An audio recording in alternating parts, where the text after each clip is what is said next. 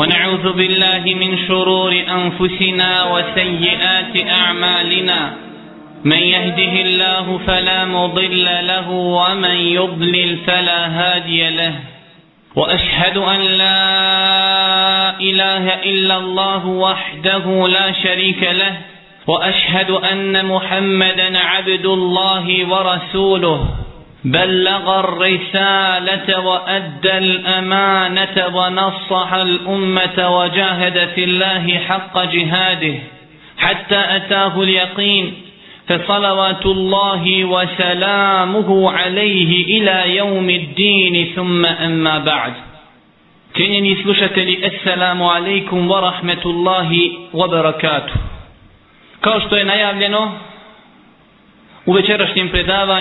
pokušat ćemo uz Allahovu subhanahu wa ta'ala pomoć da progovorimo nekoliko riječi o temi koja je zasigurno u ovo doba godine aktuelna i atraktivna. Govorit ćemo na temu koju sam ja naslovio sestro, šta ćeš sutra kazati gospodaru? Ovo predavanje posvećeno je ženskoj populaciji, dijelu društva koji je veoma zapostavljen kada je u pitanju vjerska edukacija. Muškarci se po ovom pitanju u mnogome razlikuju od žena. Muškarci svake sedmice prisustuju džumi namazu i na taj način saznaju o svojoj vjeri. Dok je to stvar koja u velikom broju slučajeva zaobilazi žene, iako ženama po islamu nije zabranjeno da dolaze na džumu namaz. Ako na sve to pridodamo da žene brojno sačinjavaju polovinu društva ako ne i viši, a drugu polovinu one ljuljaju u svome naručju, onda je to cijenjene majke i poštovane sestre dodatni motiv da se ženskoj populaciji posvijeti posebna pažnja kada je u pitanju podučavanje i prenošenje propisa Allahove subhanehu wa ta'ala zjeri. Ako na sve spomenuto pridodamo činjenicu da ako žena krene putem koji nije ispravan, u ovom slučaju da ostavi islamski način življenja, negativne posljedice toga će trpiti cijelo društvo. Zbog svega spomenutog, veoma bitno je cijenjene majke i poštovane sestre, cijenjeni slušatelji, da se posebna pažnja posvijeti ženskoj populaciji kada je u pitanju podučavanje, opominjanje i pozivanje u islamski način življenja. Mi živimo u vremenu kada su se ljudi odaljili od prakticiranja islamskih načela, kada su islamski način življenja bacili daleko iza leđa, prigrlili objeručke sve što dolazi od zapada, bez bilo kakve recenzije, bez razlike da li je to korisno ili nije, da li je to moralno ili nije bez razlike da li to vodi Allahovom subhanahu wa ta'ala zadovoljstvu ili njegovoj srđbi. Bez razlike da li je to u koliziji sa načelima vjere ili ne. Bez razlike da li je to nešto čega se stidi razuman insan, nešto što je ispod svakog nivoa, nerijetko ispod životinskog nivoa. Žena u svemu tome ima posebno mjesto. Žena neprijatelji čovječanstva pokušavaju da za ostvarenje svojih ciljeva iskoriste ženu. Treba priznati cijenjene majke i poštovane sestre da su u velikoj mjeri uspjeli. Pogledajmo samo u naše ulice, sve će nam biti jasno. Na svakom koraku su žene koje pokušavaju, otkrivajući svoje tijelo, da privuku pažnju muškaraca – svojim oblačenjem pokazuju kako nisu shvatile svrhu njihovog boravka na Dunjaluku.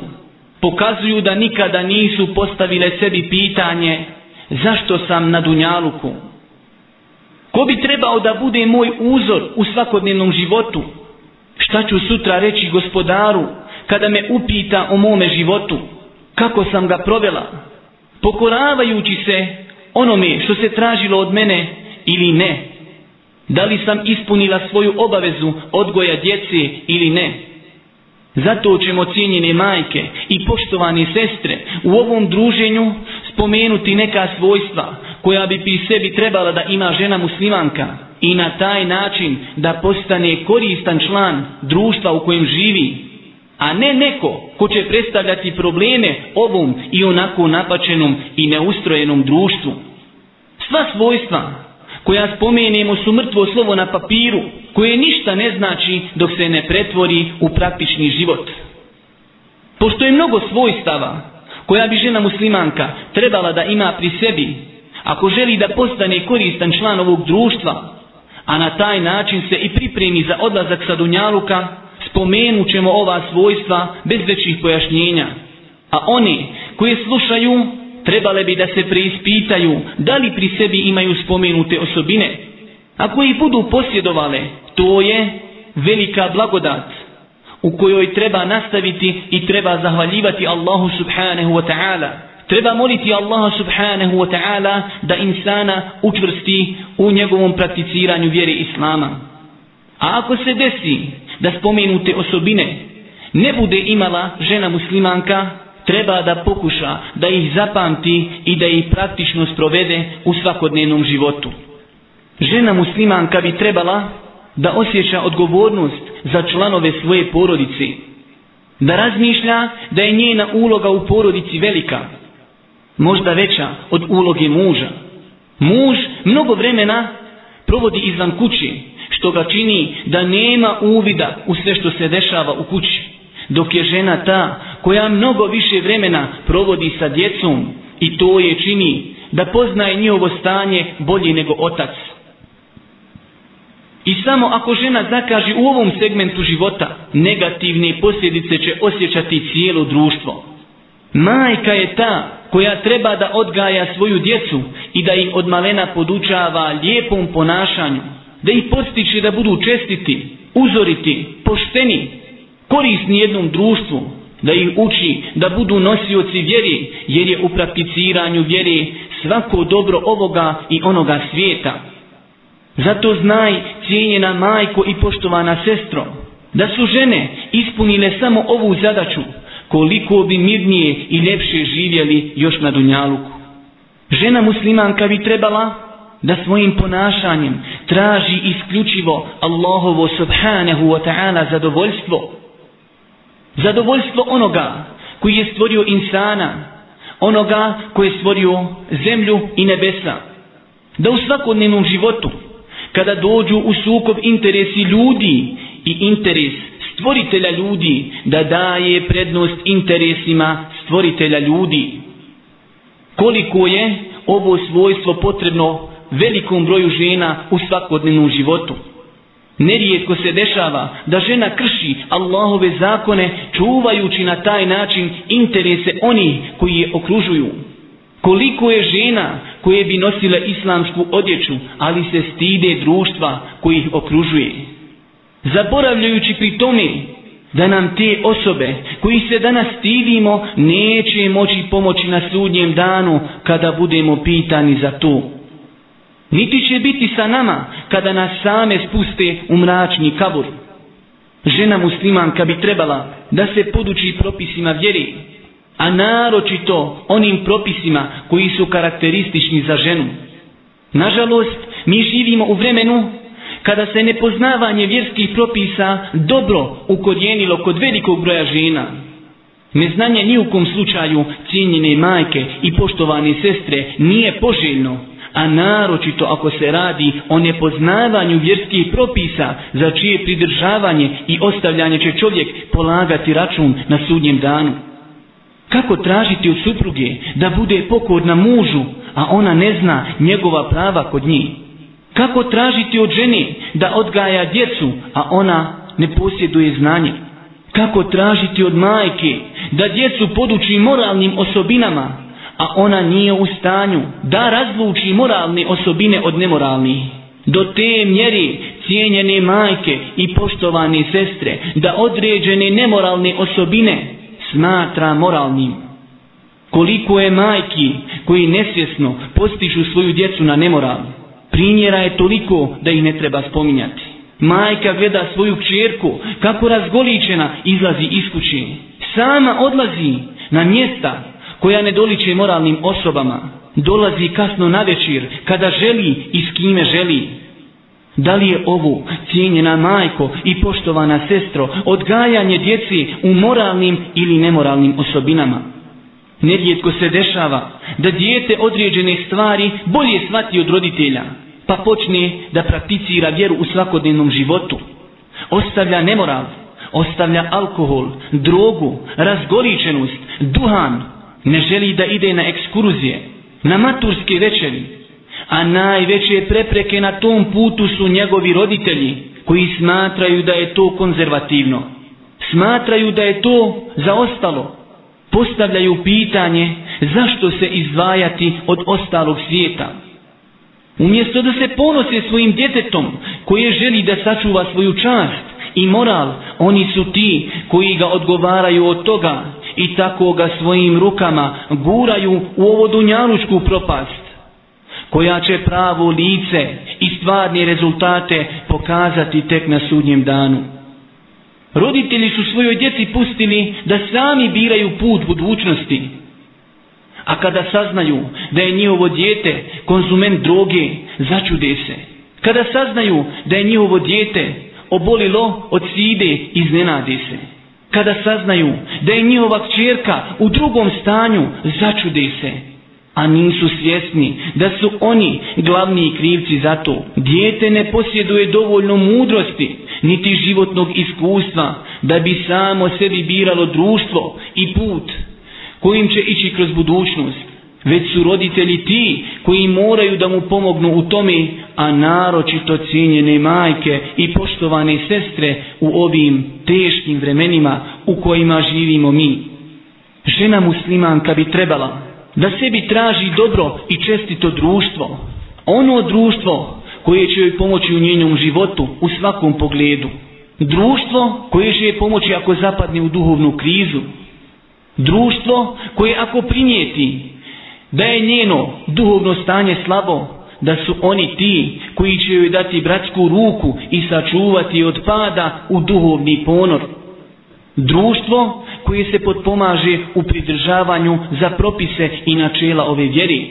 Društvo koje poziva moralu, čestitosti, čednosti, poštenju, tome da čovjek bude korisna čelija ovog društva. Društvo koje će insana postaknuti na izučavanje vjeri. Društvo koje će insana postaknuti na prisustvovanje sjelima u kojima se uči u Allahu i subhanahu wa ta'ala vjeri. Ili bilo kojem drugom sjelu gdje će insan naučiti nešto korisno, bez razlike da li je to vjerskog ili svjetovnog karaktera. Poznata izreka koja je poznata svima nama u našem narodu gdje se kaže s kim si, takav si. Ta, braću moja draga i cijenjeni sestre, izreka ima velike podloge u kuransko-hadijskim tekstovima. Kazao je Allah poslanik, alihi salatu wasalam, u vjerodostojnom hadisu, čovjek je na vjeri svog prijatelja. Pa neka svako od vas gleda koga će za prijatelja izabrati. Zato čovjek treba da što dalje bude od svih oni koji pozivaju direktno ili indirektno nemoralu i razvratu. Da što dalje bude od društva koje svoje vrijeme provodi u beskorisnim izlascima, sjedenju po kafićim. Oni koji ni u kom slučaju ne razmišljaju o stanju društva u kojem se nalazi. Žena muslimanka bi trebala da bude od onih koji pazi i čuvaju rodbinske veze da ne dozvoli da je dnevne obaveze toliko okupiraju da zapostavi rodbinske veze. Na tom putu žena muslimanka neće gledati da li rodbinja njoj uzvraća posjetama i pažnjom. U stvarnosti, ako obižeš onoga koje tebi dolazio, to je uzvraćanje na dobročinstvo, dok je pravo čuvanje rodbinskih veza da paziš one koji su tebe zaboravili i tvoja prava zapostavili to je ono čemu nas uči najbolji učitelj, najbolji pedagog, najbolji insan koji je ikada kročio Allahovom zemljom, Allahov miljenik, Allahov poslanik, alihi salatu wasalam, gdje kaže nije čuvanje rodbinske veze da obilaziš oni koji tebi dolazi, već je čuvanje rodbinske veze da obiđeš onoga ko tebe zaboravi žena muslimanka bi trebala da ispravno svati pojam čuvanja rodbinske veze. Da čuvanje rodbinskih veza ne znači samo obilazak i posjetu, već da je to mnogo širi pojam. Da to podrazumijeva njihovo materijalno pomaganje, njihovo savjetovanje ako su potrebni savjeta. Pitanje o njihovom stanju, zdravstvenom, materijalnom, duhovnom i svakom drugom. Žena muslimanka bi trebala da bude od onih koji pomažu ovo društvo na sve moguće dozvoljene načine. Nerijetko se dešava da žene pomisli kako one zbog svoje slabosti ne mogu pomoći društvo u kojem žive. Kada ne bi bilo drugog načina cijenjene majke i poštovane sestre, da žena pomogne društvo u kojem živi, osim da pokuša da ispravno u islamu odgoji svoju djecu, to bi bilo više nego dovoljno. Pošto smo o tome govorili u prijedhodnim tačkama, u nastavku ćemo spomenuti još neke načine kako žena može korisno djelovati u društvu u kojem se nalazi. Da bude od oni koji će iskreno savjetovati one koji je okružuju, ako za to normalno bude potrebi. U današnjem vremenu, gdje god da okrenimo glavu, vidjet ćemo stvari i dijela čije počinioce treba na lijep i islamski način uzeti za ruku i ukazati im na njihove pogreške. Toliko nam treba osoba koji će svojim trudom da stanu na ta velika vrata jednog društva. Zamisli cijenjena majko i poštovana sestro. Šta bi bilo kada bi neku djevojku koja se nosi suprotno onome što od nje traži vjera islam i na taj način zavodi muškarce, da joj u toku njenog jednog izlaska iz kući na lijep način priđe više osoba i ukaže joj na njenu grešku i negativne posljedice koje proizilaze iz tog djela. Sigurno bi bilo mnogo manje oni koje bi tako izlazile iz kući. Također, žena može biti korisna po društvo u kojem živi ako poziva učinjenje dobrih dijela. Toliko nam je potrebno oni koji će nas posticati na činjenje dobrih dijela. Mora da znamo činjene majke i poštovane sestre da je insan po prirodi slab i brzo zaboravlja, te mu je potrebno s vremena na vrijeme da ga neko podsjeti na činjenje dobrih dijela. Takav vid podpomaganja zasigurno bi urodio mnogim plodovima, kao što je međusobna ljubav, poštovanje i mnogo drugih korisnih stvari. Žena muslimanka bi trebala da pokuša da se okiti moralnim i lijepim osobinama, da ostavi ono što je se ne tiče. Koliko je samo cijenjene majke i poštovane sestre problema u društvu nastalo kao posljedica bavljenjem onim stvarima koje nas se ne tiču ostavljanjem onoga što nas se ne tiče, čovjek će imati mnogo više vremena za one stvari koje ga se tiču. Ostavljanjem onoga što nas se ne tiče, čovjek će moći posvetiti mnogo više pažnji popravljanju svoje ličnosti.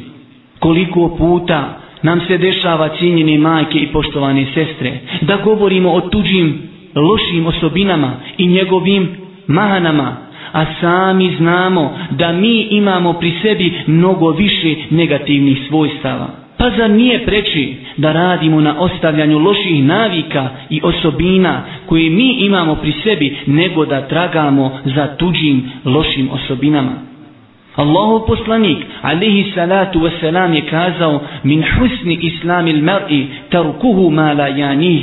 Od ljepote nečeg islama je da ostavi ono što ga se ne tiče postavimo sebi pitanje cijenjene majke i poštovani sestre. Stvari o kojima govorimo u toku dana, koliko je tu onoga što se nas tiče, a koliko je onoga što se nas ne tiče. Vidjet ćete, ako budemo iskreni, da ćemo dobiti katastrofalne rezultate. Također, žena muslimanka koja vjeruje u Allaha subhanahu wa ta'ala i sudnji dan trebala bi da pokuša da ostavi ogovaranje. Šta je to, cijenjene majke i poštovane sestre, ogovaranje koje je na čelima ove vjere jedan od velikih grijeha ili kao što kažu neki islamski učenjaci da je ogovaranje veliki grijeh po konsenzusu islamskih učenjaka. Veliki grije koji nosi sa sobom mnoge ovo svjetske probleme. Ogovaranje je da spomeneš brata muslimana u njegovom odsustvu po onome što on ne voli, pa makar to bila istina. Jedne prilike Allahu poslanik, alihi salatu wasalam, postavio je pitanje ashabima, znate li šta je to ogovaranje, gibec? Pa je rekao Allahu poslanik, alihi salatu wasalam, ogovaranje, gibet je da spomeneš brata muslimana po onome što on ne voli. Pa su ashabi kazali, o Allahu poslaniće, a šta? Ako je istina to što smo kazali, pa kaže Allahu poslanik, alihi salatu wasalam, ako je istina to što si kazao, a on to prezire, onda je to ogovaranje i gibet. A ako je neistina, onda je to potvora.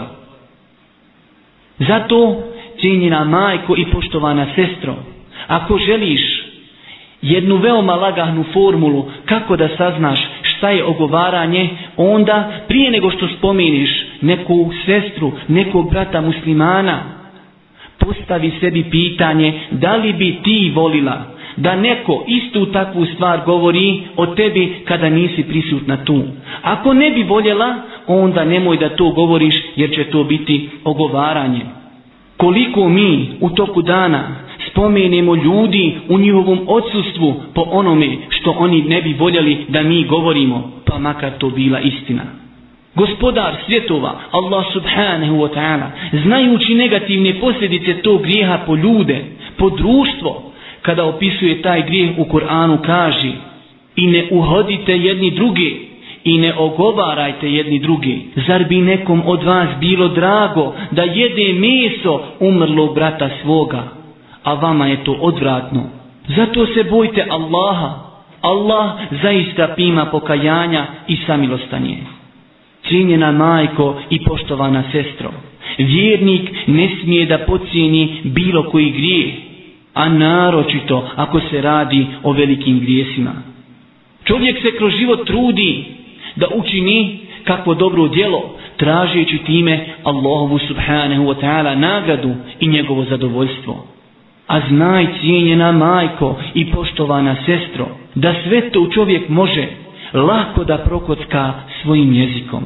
Da, dobro ste čuli, čovjek može svoja dobra djela da uništi i da ih prokocka svojim jezikom. Kao što nam je na to ukazao Allahov miljenik, najodabrani poslanik, najbolji pedagog Muhammed sallallahu alaihi ve selleme, kada je upitao jedne prilike ashabe, koga oni smataju bankrot, propalim insanom, pa su odgovorili da je bankrot onaj ko nema i metka niti noca. Poslušaj cijenjena majko i poštovana sestro, odgovor Allahovog poslanika alihi salatu wasalam, ko je bankrot ovog ummeta? Pa je kazao Allahu poslanik alihi salatu wasalam, bankrot mog ummeta je onaj ko dođe na sudnji dan sa dobrim dijelima. Pogledaj cijenjena majko i poštovana sestro. Bankrot je onaj ko dođe na sudnji dan sa dobrim dijelima. A kako je tek bankrot onaj ko nema dobrih dijela? Pa nastavlja Allahu poslanik alihi salatu wasalam pa kaži Ali je uvijedio ovoga, potvorio ovoga, udario onoga, prolio krv ovoga, pa će se uzeti od njegovih dobrih dijela i dati će se njima. Pa kada nestane njegovih dobrih dijela, uzet će se od njihovih grijeha i natovariti na njegova leđa, a zatim će biti bačen u vatru. Pogledaj cijenjena majko i poštovana sestro, kako je čovjek svojim jezikom upropastio svoja djela. Žena muslimanka bi trebala da se okiti svojstvom stida. Stid je svojstvo koje je nekada krasilo muslimanke. Stid je jedan od glavnijih faktora nakon vjerovanja u Allaha subhanahu wa ta'ala koji ispriječava muslimane, muslimanke da čine ono što im je zabranio njihov gospodar Allah subhanahu wa ta'ala. Stid je svojstvo koje bi trebali da usađujemo u srca naše djece od rane mladosti. Bez razlike da li to bila muška ili ženska djeca. A sigurno je da su ženska djeca mnogo više potrebna ovog velikog i plemenitog svojstva. Pogledamo li u našu djecu, vidjet ćemo da se na sve moguće načine u njima od rane mladosti ubija i zatiri ovo plemenito svojstvo. Djeca bez imalo stida i ukora gledaju filmove na kojima neće naučiti skoro ništa korisno. A toliko je pokvarenih i nemoralnih stvari koje će oni vidjeti i čuti na filmovima do te mjeri da se te loše stvari ne mogu prebrojati. Djeca od rani mladosti počinju da koriste vulgarne izraze i kada ostari to su navike koje je veoma teško ostaviti. Djecu od rane mladosti okružuje društvo u kojem vide neprakticiranje Allahove subhanahu wa ta'ala vjeri, neprestano kršenje Allahovih granica do te mjeri da djeca pomisli da je to normalno, a pridržavanje za načela Allahove subhanahu wa ta'ala vjeri oni smatraju čudnim. Ako na sve to pridodamo bespotrebne izlaske djeci u grad, u mjesta gdje će moći vidjeti mnogo razvrata i nemorala, onda će nam cijenjene majke i poštovane sestre kristalno jasno biti zašto naša djeca kada odrastu nemaju pri sebi stida koji će ih spriječiti od činjenja grijeha. Pogledajmo samo u naše omladince i naše omladinke, u njihov izgled, u njihov govor, u njihovo ponašanje, pa ćemo vidjeti da je stid već podavno izumro u njima žena muslimanka bi trebala da svati stvarnost ovo dunjalučkog života i samog dunjaluka da je on bašća u kojoj sijemo a plodove ćemo ubirati na ahiretu da mnogo razmišlja o povratku uzvišenom Allahu subhanahu wa ta'ala da se često sjeti smrti i da s vremena na vrijeme sama sebe obračunava da ne dozvoli šeitanu da je zavede i da ne razmišlja o smrti, o povratku uzvišenom Allahu subhanahu wa ta'ala, već neprestano treba da razmišlja o smrti koja može da je iznenadi svakog trenutka, da postavi sebi pitanje šta je to što je žena uradila da bi zbog tog dijela mogla očekivati Allahu subhanahu wa ta'ala milost i da razmisli o mnoštvu grijeha koje čovjek svakodnevno čini, da li ono malo dobrih dijela koje čini mogu biti razlogom da se Allah subhanahu wa ta'ala smiluje nekom od njegovih robova. Da sebi žena postavi pitanje da li od onih koji redovno namaz obavljaju ili nije. A znamo svi da je Allahu poslanik alihi salatu wasalam kazao u vjerodostojnom hadisu ugovor između nas i nevjernika je namaz, pa koga ostavi počinio je nevjerstvo da postavi sebi žena muslimanka pitanje da li je od oni koji nose islamsku nošnju ili nije. A još kao djeca u Mektebu smo naučili da je ženi strogo zabranjeno da iziđe iz kući otkrivajući nešto više od lica i šaka. Da postavi sebi pitanje da li je od oni koji svojom nošnjom i izgledom oponašaju muškarce ili nije. Nije. A znamo da je Allahu poslanik, alihi salatu wasalam, prokleo one žene koje oponašaju muškarce i prokleo one muškarce koji oponašaju žene. La ilaha illallah. Kako je živjeti u društvu u kojem je velik broj oni koji sačinjavaju to društvo proklet na jeziku Allahu poslanika alihi salatu wasalam. salam. Žena muslimanka bi trebala da postavi sebi pitanje da li je od oni koje istinski vjeruju u Allahovu odredbu ili od oni koje svakodnevno čitaju horoskop, gledaju u grah ili pilđan, odlaze kod ljudi koji proriču sudbinu, gledaju u dlan, a znamo da je sve spomenuto strogo, strogo zabranjeno načelima ove vjeri, da postavi sebi pitanje da li je od oni koji slušaju muziku, muziku koja je zabranjena načelima ove vjeri? Da li je od oni koje izlaze na ulicu na mirisane? A znamo da je Allahu poslanik, alihi salatu wasalam, ženu koja iziže na mirisana na ulicu uporedio sa prostitutkom. Da postavi sebi pitanje da li od onih žena koje čupaju svoje obrve i nose periku, a znamo da je Allahu poslanik, alihi salatu wasalam, prokleo takve žene da postavi sebi pitanje da li je od oni koji se osamljuju sa muškarcima koji joj nisu mahremi. A znamo da je to Allahu poslanik alaihi salatu wasalam zabranio da postavi sebi pitanje da li je od oni koji se rukuju sa muškarcima koji joj nisu mahremi a znamo da je to strogo zabranjeno na čelima ovi vjeri da se zapita žena muslimanka koja vjeruje u Allaha subhanahu wa ta'ala i sudnji dan kako će gospodaru dati odgovor za svaki moment svoga života da li je svoj život provela u pokornosti uzvišenom ili u kršenju njegovih zabrana da neprestano ima na umu da pored insana stoje meleki i pomno pišu sve što insan učini od dobra ili zla da se zapita kako će odgovoriti Allahu subhanahu wa ta'ala na pitanja koja će se svakom od nas postaviti na sudnjem danu. Odnosno, ničija stopala se neće pomjeriti na sudnjem danu ispred gospodara dok ne odgovori na pet pitanja.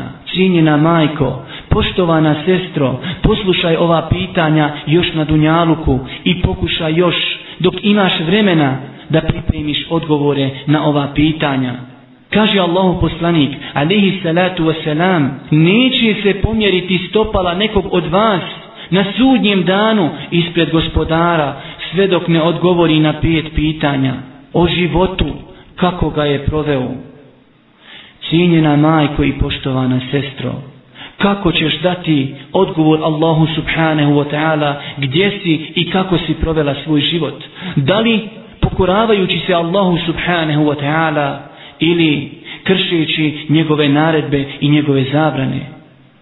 O mladosti gdje ju je potrošio, cijenjena majko i poštovana sestro, znaj da ćeš biti pitana i svi ostali gdje si potrošila svoju mladost.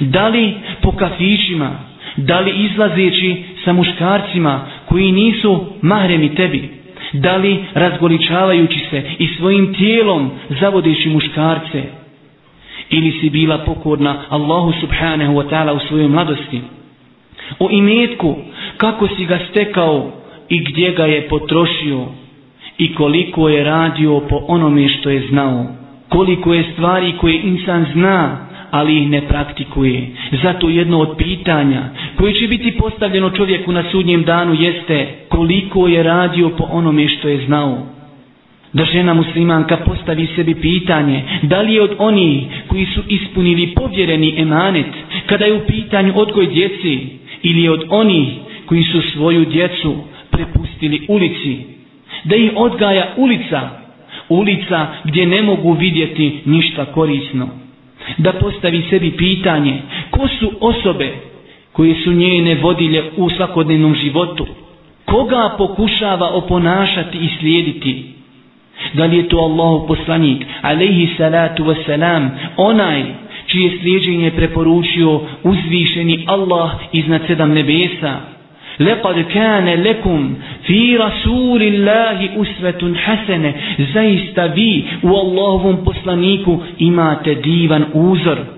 Da postavi sebi pitanje, da li slijedi supruge Allahovog poslanika, alaihi selam, koje su živjele sa njime, one koje je on odgajao, najbolji učitelj, najbolji pedagog, ili su njeni idoli pjevačice, glumice, manekenke, koje kada bi se pogledale razumnim pogledom i ovodunjalučkim parametrima, one ne zaslužuju da budu slijeđene. Nerijetko su to prostitutke, droge rašice, oboljele od side, odane velikom broju poroka kao što je alkohol, droga, duhan i naše žene, muslimanke u jadnom stanju dale su sebi za cilj da slijede tako proste i tako osobe takve koje ne zaslužuju da budu slijeđene. Žena muslimanka bi trebala da bude od oni koji se često kaju za počinjene grijehe naročito cijenjene majke i poštovane sestre u današnjem vremenu, kada su se ljudi odaljili od prakticiranja islamskih načela u svakodnevnom životu. Trebala bi žena muslimanka, ako je pokorna Allahu subhanahu wa ta'ala, da mu se zahvali na uputi i da ga neprestano moli da njeno srce učvrsti u islamu.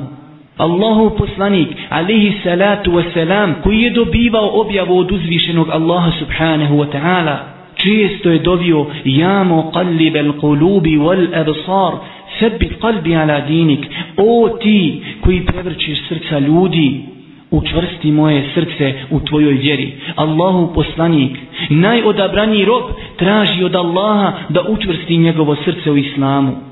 Mi smo mnogo preći cijenjena majko i poštovana sestro da na svakoj seđdi uputimo Allahu subhanahu wa ta'ala dovu da nas učvrsti zbog težine vremena u kojem živimo. A ako se desi da je žena od onih koji su zapostavile prakticiranje vjeri u svakodnevnom životu, trebala bi što prije da okrenje novu stranicu u svakodnevnom životu, da se vrati Allahu subhanahu wa ta'ala prije nego što joj zakuca na vrata, neočekivano i iznenada melek smrti. Znaj, cinjena majko i poštovana sestro, vrata pokajanja su širom otvorena za sve, bez razlike kakve grijehe počinili i koliko ih dugo činili. Bez razlike koliko puta si izišla na ulicu otkrivena, bez razlike koliko muškaraca je vidjelo tvoje tijelo, imaš priliku da okreneš novu stranicu u svakodnevnom životu. Znaj da to nema nigdje osim kod Allaha subhanahu wa ta'ala. Allah subhanahu wa ta'ala Arhamur Rahimin, najmilostiviji, svoje ruke pruža danju da bi primio pokajanja oni koji su griješili noću. A noću pruža ruke da bi primio pokajanja oni koji su griješili danju. La ilaha illallah. Rođenoj majici ne možeš otići u koja doba dana i noći ti želiš. Nekada ona ima trenutak kada želi da bude sama, a svome gospodaru možeš da se vratiš svakog momenta. Zato cijenjena majko i poštovana sestro, požuri sa povratkom milostivom Allahu subhanahu wa ta'ala. Ne dozvoli da budeš od oni koji će šetan zavesti, pa će zaboraviti na smrt, pa će ih melek smrti iznenaditi. Allah subhanahu wa ta'ala svaki večeri se spušta na ovo zemaljsko nebo u zadnjoj trećini noći i govori poslušaj cijenjena majko i poštovana sestro kolika je milost uzvišenog Allaha subhanahu wa ta'ala do te mjeri da se svaki večeri svaki večeri spušta na ovo zemaljsko nebo i govori ima li neko da traži oprost za grijehe pa da mu oprostim. Zato cijenjena majko i poštovana sestro, ustani u zadnjoj trećini, ustani u zadnjoj trećini noći, podigni svoje ruke Allahu subhanahu wa ta'ala, zaplači, zatraži od njega da ti oprosti ono što si radila prije toga, okreni novu stranicu u svom svakodnevnom životu. Pogledajte Allahovu milost svake večeri prima pokajanje i teubu od svojih robova, u zadnjoj trećini noći se spušta na ovo zemaljsko nebo. A gdje je naša omladina u tim momentima? Gdje su naši sinovi i naše kćeri u tom mubarek i blagoslovljenom vremenu? Oni su tada po kafićima, po jarkovima, mahmurni spavaju pod dejstvom droge i alkohola, bludniči po parkovima i obalama rijeka. Ženu, muslimanku, ne bi trebalo da zavede veličina Allahove dobrote prema njegovim robovima. Ona bi trebala da zna da je njegova milost i dobrota za one koji su bili pokorni, one koji su se kajali. I da zna također da je njegova kazna bolna i žestoka. Znaj, cijenjena majko i poštovana sestro, vatra kojom će se kažnjavati ljudi u džehennemu je 70 puta jača od ovo dunjalučke vatre. La ilaha illallah. Ovo dunjalučka vatra bi bila tako mi uzvišenog Allaha dovoljna da se ljudi njome kažnjavaju. Zato, cijenjena majko i poštovana sestro, postavi sebi pitanje, razmisli, razmisli, Ako tvoje tijelo ne može da trpi kažnjavanje ovo dunjalučkom vatrom, zašto svojim ponašanjem, svojom razgoličenošću, kršenjem Allahovi subhanahu wa ta'ala granica izlaže svoje tijelo vatri džehennema koja je 70 puta jača od ovo dunjalučke vatri. Pokušaj da svoje ruke približiš poretu. Pokušaj cijenjena majko i poštovana sestro, da približi svoje ruke šporetu u kojem gori vatra, a on da se sjeti da je vatra džehennema 70 puta jača od te vatre. Žena muslimanka bi trebala da mnogo pazi na prava svoga muža, da mu bude pokorna u svemu što traži od njih, ako je to dozvoljeno ovom vjerom.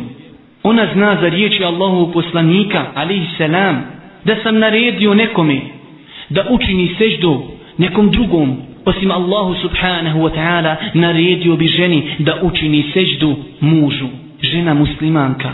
Ona zna za riječi Allahovog poslanika, koja žena umri, a njen muž zadovolja njome, uči će u džennet.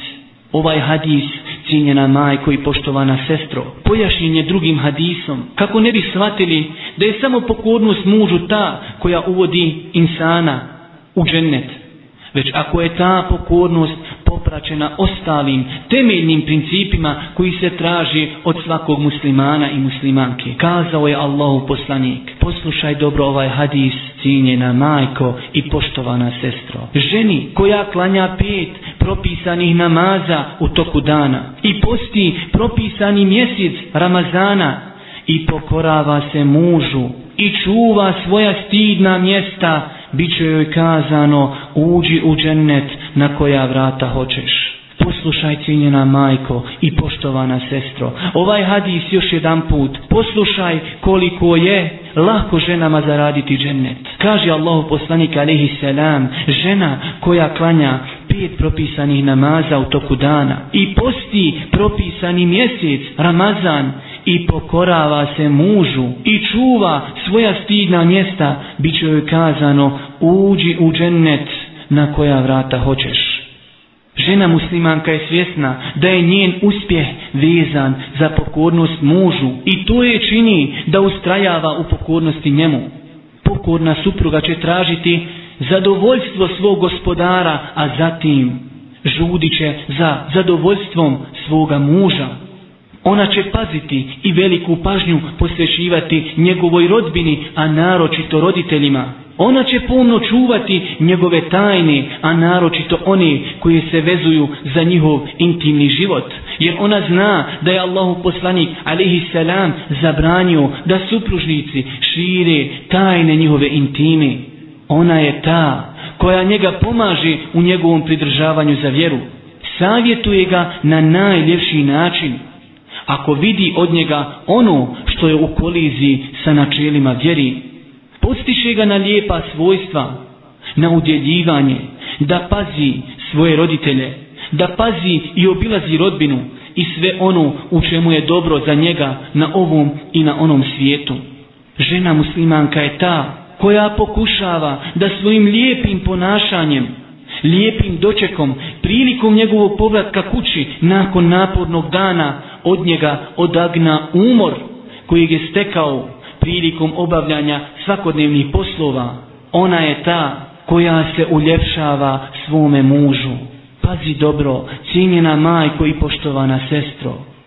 Iskrena Allahova robinja, ona koja se pokorava Allahu subhanahu wa ta'ala i njegovom poslaniku, ona je ta koja se uljepšava i dotjerava svome mužu, a ne kao velik broj žena današnjice koje se uljepšavaju drugima kada krenu u grad, a njihov muž skoro pa je primoran da gleda u druge žene koje svakodnevno sreći na ulici. Žena muslimanka će se uljepšati svome mužu jer je on najzaslužniji da se ona njemu uljepša. On je taj koji to zaslužuje a na taj način će se sačuvati od onoga što mu nije dozvoljeno. Žena muslimanka koja vjeruje Allaha subhanahu wa ta'ala i sudnji dan, biše i trudit će se da bude zahvalna svome mužu za svaki vid dobročinstva koji joj je učinio.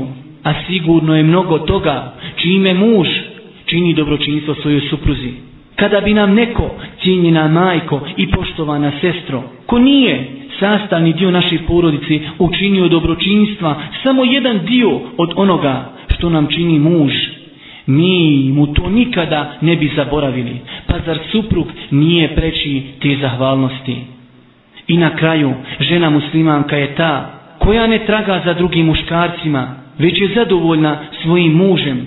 Čuva svoj pogled od gledanja u druge ljude. Na taj način poklanja svu ljubav njemu, njenom voljenom mužu koji njoj uzrača na isti način, čuvajući svoj pogled od gledanja u žene koje mu nije dozvoljeno gledati, poklanjajući svojoj supruzi svu ljubav iz njegovog srca. Molimo Allaha subhanahu wa ta'ala na kraju ovog druženja da nas učini od onih ljudi koji će se čvrsto pridržavati Allahove subhanahu wa ta'ala vjeri u ovim teškim vremenima. Molimo ga subhanahu wa ta'ala da nas učini od onih koji će se često kajati i koji će se vraćati uzvišenom Allahu subhanahu wa ta'ala. Molim ga subhanahu wa ta'ala da nam bude milostiv na sudnjem danu, da pomogne muslimane magdje bili.